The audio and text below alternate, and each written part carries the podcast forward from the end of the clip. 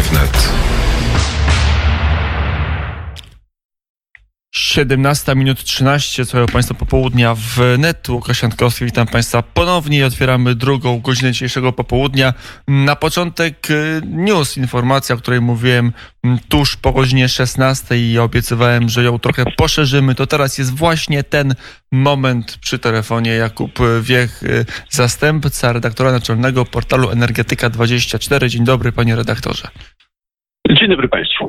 No to co, mamy decyzję Sądu Unii Europejskiej, e, że Nord Stream będzie objęty prawem europejskim. O co chodzi? To jest ostateczna decyzja, nieostateczna i jakie będzie miała e, konsekwencje dla Rosji, Niemiec i Polski? Krótkie, proste pytanie. E, jest to decyzja Sądu pierwszej instancji, łącznego w w ramach e, Trybunału Sprawiedliwości. Natomiast e, jest to orzeczenie, które no, wskazuje już pewną linię dotyczącą tego, jak e, Unia Europejska zamierza obchodzić się ze, prawem, które sama ustanowiła. Mianowicie chodzi tutaj o znowelizowaną dyrektywę gazową, które spółki Nord Streamu zaskarżyły właśnie do, do, do tego sądu, tłumacząc, że jest ona niesprawiedliwa, gdyż ona, ta dyrektywa w swojej no, znowelizowanej w ubiegłym roku postaci nakazuje między innymi rozdział e, między spółkami, które są właścicielami e, gazociągów biegnących z krajów trzecich e, do Unii Europejskiej, a spółkami, które przesyłają nimi gaz. Więc ten rozdział właścicielski jest bardzo niekorzystny dla takich spółek jak Gazprom, które właśnie są operatorami i właścicielami E, gazociągów biegnących ze, krajów nieunijnych do Unii e, Europejskiej. E, to jest jedna z kilku porażek Gazpromu i Nord Streamu w ciągu ostatnich kilku miesięcy. E, inną jest e, decyzja niemieckiej federalnej Bundesnetzagentur, która e, nie uznała dla Nord Streamu wyjątku, jeżeli chodzi o stosowanie dyrektywy gazowej. Niemcy uznali, że taka opcja wyłączenia niektórej pewnej infrastruktury spod rygorów nowej dyrektywy może mieć miejsce, natomiast dla Nord Streamu jednak nie zrobili tego, tego wyjątku. Więc można powiedzieć, że w tym momencie no, sytuacja tego gazociągu komplikuje się jeszcze bardziej. On jest cały czas niedokończony. E, zostało do ułożenia ponad 100 kilometrów rur e, tego połączenia. E, wiadomo, że prawdopodobnie będzie układał statek akademik Czerski, ale cały czas nie wiadomo do końca, kiedy zostanie sfinalizowana ta konstrukcja. Wiadomo, że no, jest ona już opóźniona w tym stopniu, który naraża firmy współpracujące przy budowie tego połączenia na duże straty. Teraz no, jeszcze że doszły problemy prawne, które e, zmultiplikują koszty operacji e, Nord Stream 2. Cały czas Mamy też jeszcze wiszące nad e, e, tym projektem widmo amerykańskich sankcji, werbalizowanym przez e, senatora e, Cruza, który ostatnio powiedział, że jeżeli Nord Stream 2 zostanie ukończony, to Amerykanie nałożą na niego dalsze sankcje. Być może te, o których mówili Amerykanie w marcu tego roku, czyli sankcje odstraszające spółki europejskie od kupna gazu z, z Nord Stream 2. Więc można powiedzieć, że no, projekt Nord Stream 2 został naprawdę potężnie e, poturbowany. Na tej ostatniej prostej, e, która została do jego ukończenia, przypomnę, że zostało tylko nieco ponad 100 kilometrów rur. E, miały one być gotowe do końca poprzedniego e, roku, roku 2019. Tak się nie stało. E, no i teraz można zadać sobie pytanie, czy ten projekt jest jeszcze Rosji potrzebny, bo z Niemiec, czyli kraju, który ma być drugim końcem Nord Stream 2, płyną już takie informacje, że niemieckie magazyny gazu są przepełnione w związku z, z, koronawirusem. Ten surowiec jest bardzo tani w tym momencie w Europie z tego samego powodu. Więc pytanie, czy jest pośpiech, e, jeżeli chodzi o e, realizację e, Nord Stream 2. Czy Rosjanie mają się po co, po co śpieszyć i mają po co właśnie ten projekt finalizować. Natomiast no, jest tutaj dla, dla Europy Środkowej te porażki Nord Streamu są oczywiście oddechem, zwłaszcza dla Ukrainy, która dzięki temu, że rurociąg ten został opóźniony, mogła zawrzeć nową umowę tranzytową z Rosjanami. To jest dla Ukrainy nie tylko bezpieczeństwo finansowe, bo Ukraińcy zarabiają z tytułu przesyłu rosyjskiego rosyjskiego gazu na zachód około 2 miliardów dolarów rocznie, no ale ten status kraju tranzytowego wzmacnia również ukraińskie bezpieczeństwo, więc jest to niebagatelny atut w, w talii kart atutowych Kijowa. A ile tego gazociągu mm, pod nazwą Nord Stream 2 zostało już ułożonych? Ile brakuje Rosjanom i Niemcom do tego, żeby e, podwoić przepustowość gazu pod dnem Bałtyku? E, no, ułożonych zostało już, e, jeżeli dobrze pamiętam, około tysiąc, ponad tysiąc kilometrów. Zostało nieco ponad 100, więc tutaj mamy już naprawdę bardzo zaawansowane E, prace, które są na finiszu. Tylko ten finisz cały czas może być e, dokonany z tego względu, że e, sankcje amerykańskie nałożone na Nord Stream 2 w grudniu ubiegłego roku odstraszyły od jego budowy spółkę szwajcarską, spółkę Olsis, która kładła rury tego połączenia. Szwajcarzy odpuścili budowę, ona stanęła e, i e, musieli Rosjanie czekać aż 6 miesięcy, aż w końcu zmobilizowali swoją jednostkę, Akademik Czerski, e, jedną, jeden z dwóch statków, które są w stanie dokończyć ten projekt, a są w dyspozycji Rosji do tego, żeby przepłynęła na, na Bałtyk, gdyż stacjonowała w bazie, można powiedzieć, po drugiej stronie kontynentu azjatyckiego, więc jej droga droga zajęła e, trochę czasu e, i dopiero teraz można mówić o tym, że, że ten projekt gdzieś tam e, zamajaczyło na, na horyzoncie jakiś czas, w którym on może zostać ukończony. Natomiast, no tak jak mówiłem wcześniej, powstaje, pozostaje pytanie, czy Rosjanie mają jeszcze po co układać na razie e, Nord Stream 2, e, czy znajdą kupców na gaz przesyłany tym projektem. Może się okazać, że Nord Stream 2 będzie jeszcze bardziej spektakularnym fiaskiem finansowym, niż to wieścili analitycy z Bierbanku, którzy w, kilka lat temu, w, w maju 2018 roku, opublikowali taki raport sugerujący, iż Nord Stream 2 jest dalece odległy od wszelkich uwarunkowań rynkowych e, i jest to bardziej projekt e, polityczny, pozbawiony w zasadzie sensu e, gospodarczego. W tym momencie te wszystkie problemy, jakie napotyka projekt, tylko podkreślają tę opinię rosyjskich analityków, którzy notabene po opublikowaniu swojej pracy stracili etaty w, w rosyjskim banku. Ale tak rozumiem, e, tak czy inaczej, czy uda się mimo sankcji, mimo wyraków sądów europejskich dokończyć e, trzecią i czwartą nitkę gazociągów biegnących po dnie Bałtyku między Rosją a, a Niemcami, to i tak firmy e, w ten projekt zaangażowane mm, suma summarum będą stratne. Te firmy na razie zainwestowały bardzo duże kwoty. Tu mowa o wielu set milionach euro od każdego z zachodnich e, partnerów e, Gazpromu i nie bardzo wiadomo, kiedy będą mogły się spodziewać zysków z tytułu tej inwestycji.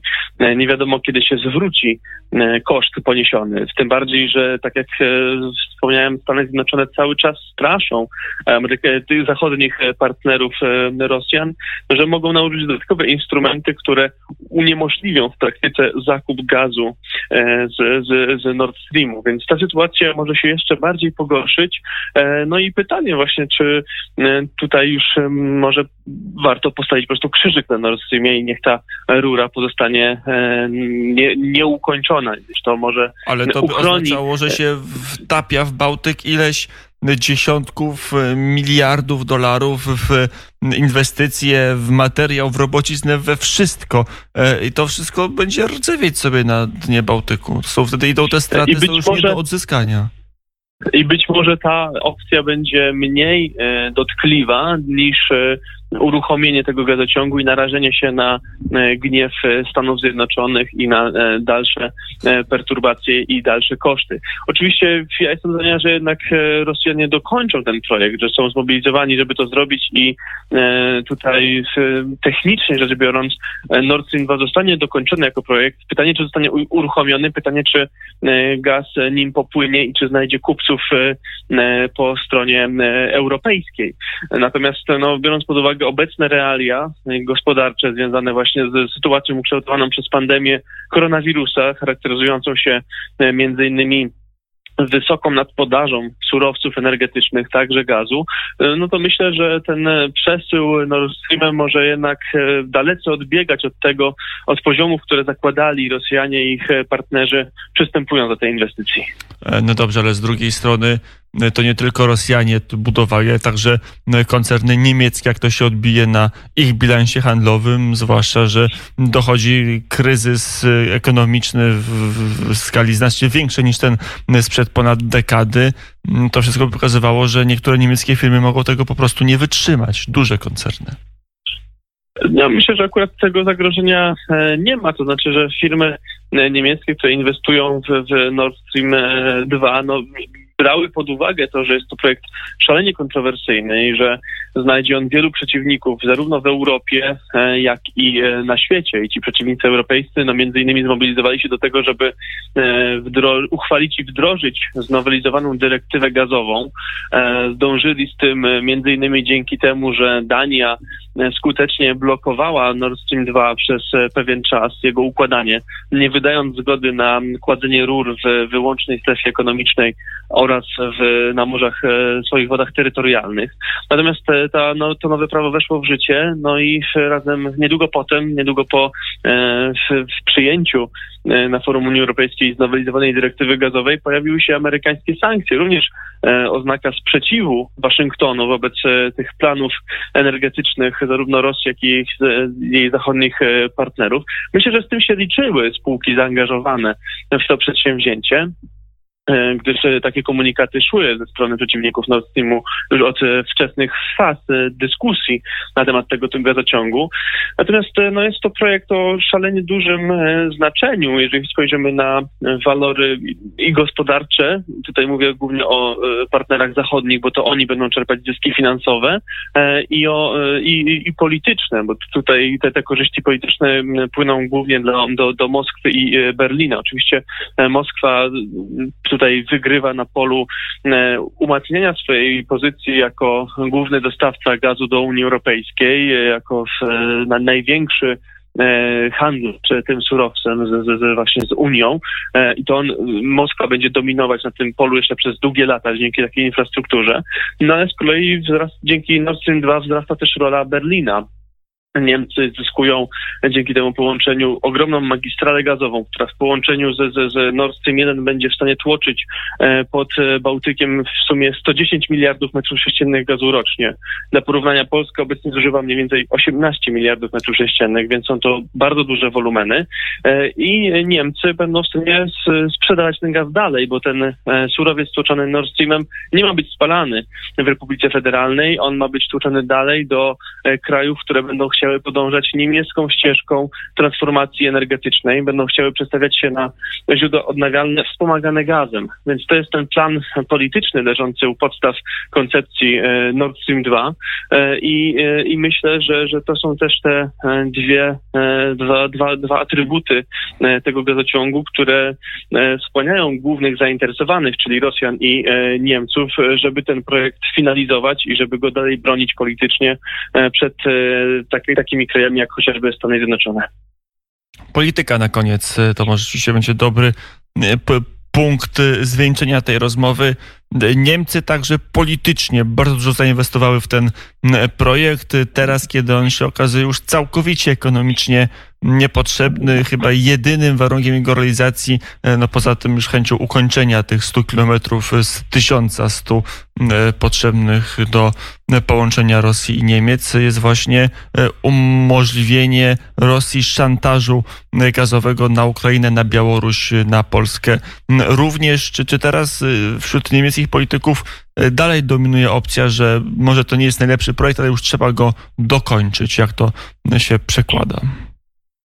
No, Niemcy, jeżeli chodzi o swoją elitę polityczną, są dosyć zgodni, że Nord Stream 2 jest e, potrzebny. Popiera go e, zarówno partia chadecka, z której wywodzi się Angela Merkel, ich e, sojusznicy z Bawarii, czyli CSU, oraz ich koalicjanci z tak zwanej GROKO, wielkiej koalicji, która w tym momencie rządzi w Berlinie, czyli partia SPD, zwłaszcza socjaliści na tym polu są znani jako tacy duży, duzi orędownicy współpracy z, z z Rosją, współpracy handlowej, ekonomicznej, czego wyrazem jest chociażby właśnie Nord Stream 2. Na niemieckiej scenie politycznej jedynie zieloni zachowują sceptycyzm wobec tego, tego projektu. No, oni są w rządzie, więc ich pole manewru jest ograniczone. Natomiast no tutaj e, jednak e, warto wspomnieć, że w Niemcom, partii rządzącej i koalicjantom e, nie udało się, nie udał się ten manewr, który próbowali dokonać w Bundestagu pod koniec ubiegłego roku, czyli przeforsowanie wyjątku przy ustawie implementującej znowelizowaną dyrektywę gazową, tą, która bije E, w Nord Stream 2. Tam Niemcy chcieli po prostu umieścić wyjątek, który e, uchroniłby e, ten gazociąg od rygorów nowego unijnego prawa. To się nie udało. Niemcy nie byli w stanie przeforsować w swoim Bundestagu czegoś takiego. Teraz Federalna Agencja Sieci również odrzuciła wniosek spółki Nord Stream 2 AG, by zastosować taki, taki wyjątek.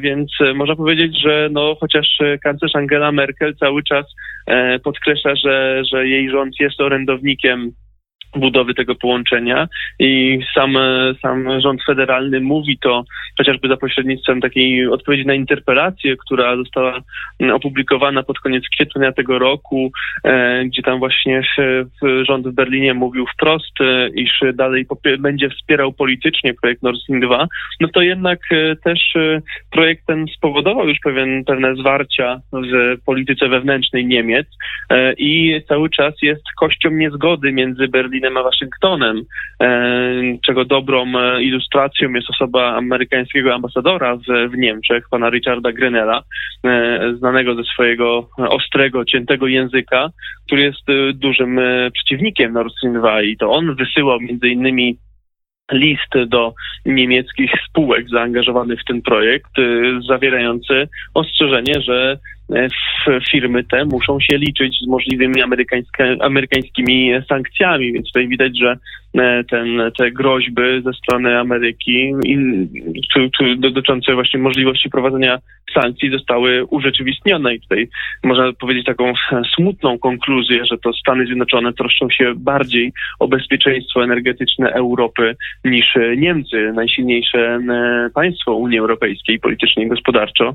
To Waszyngton jednak e, stara się blokować Rosję przed e, e, umacnianiem, rozrost, rozrostem jej pozycji jako dominującego dostawcy gazu e, do Unii, i, bo to jest zagrożenie geopolityczne i Waszyngton to widzi. Niemcy jednak biorą przez, patrzą na to przez pryzmat swoich interesów i to je kładą na piedestał, czego wyrazem jest wsparcie, nieustające wsparcie polityczne dla gazociągu Nord Stream 2. No to na koniec informacja, którą także podał pan redaktor, że Niemcy po cichu w czasie pandemii otworzyli e, całkiem nową elektrownię węglową. E, to jest na razie informacja, którą staram się sprawdzić, gdyż e, ona wynika z danych, które uzyskałem monitorując niemiecki system elektroenergetyczny. Mowa tutaj o elektrowni Dateln 4, nowej elektrowni węglowej, która E, została e, uznana za zdolną do wpięcia do sieci e, przez Ministerstwo Gospodarki Niemiec i miała być dołączona do sieci na normalnych zasadach w latem tego roku. Natomiast dane, jeżeli chodzi o generację prądu w, w tej elektrowni, wskazują, że już teraz rozpoczęła normalną pracę na normalnych obrotach. Ta jednostka w kwietniu tego roku wygenerowała najwięcej energii elektrycznej ze wszystkich niemieckich elektrowni na węglu e, kamiennym. Więc to wzbudziło moją ciekawość e, i, i zastanawiam się po prostu, czy nie nastąpiło tutaj takie potajemne, można powiedzieć, podłączenie Daten 4 na, now, na normalnych warunkach e, do sieci czy Niemcy po prostu nie zdecydowali się wcześniej wdrożyć tej jednostki. Oczywiście jest też opcja, że ta praca jest przedłużeniem testu rozruchowego, E, który e, ta elektrownia musi przejść e, przed dołączeniem jej na normalnych warunkach do systemu elektroenergetycznego. Skierowałem pytania prasowe do koncernu Uniper, który jest właścicielem dla ten 4 jeszcze nie dostałem odpowiedzi.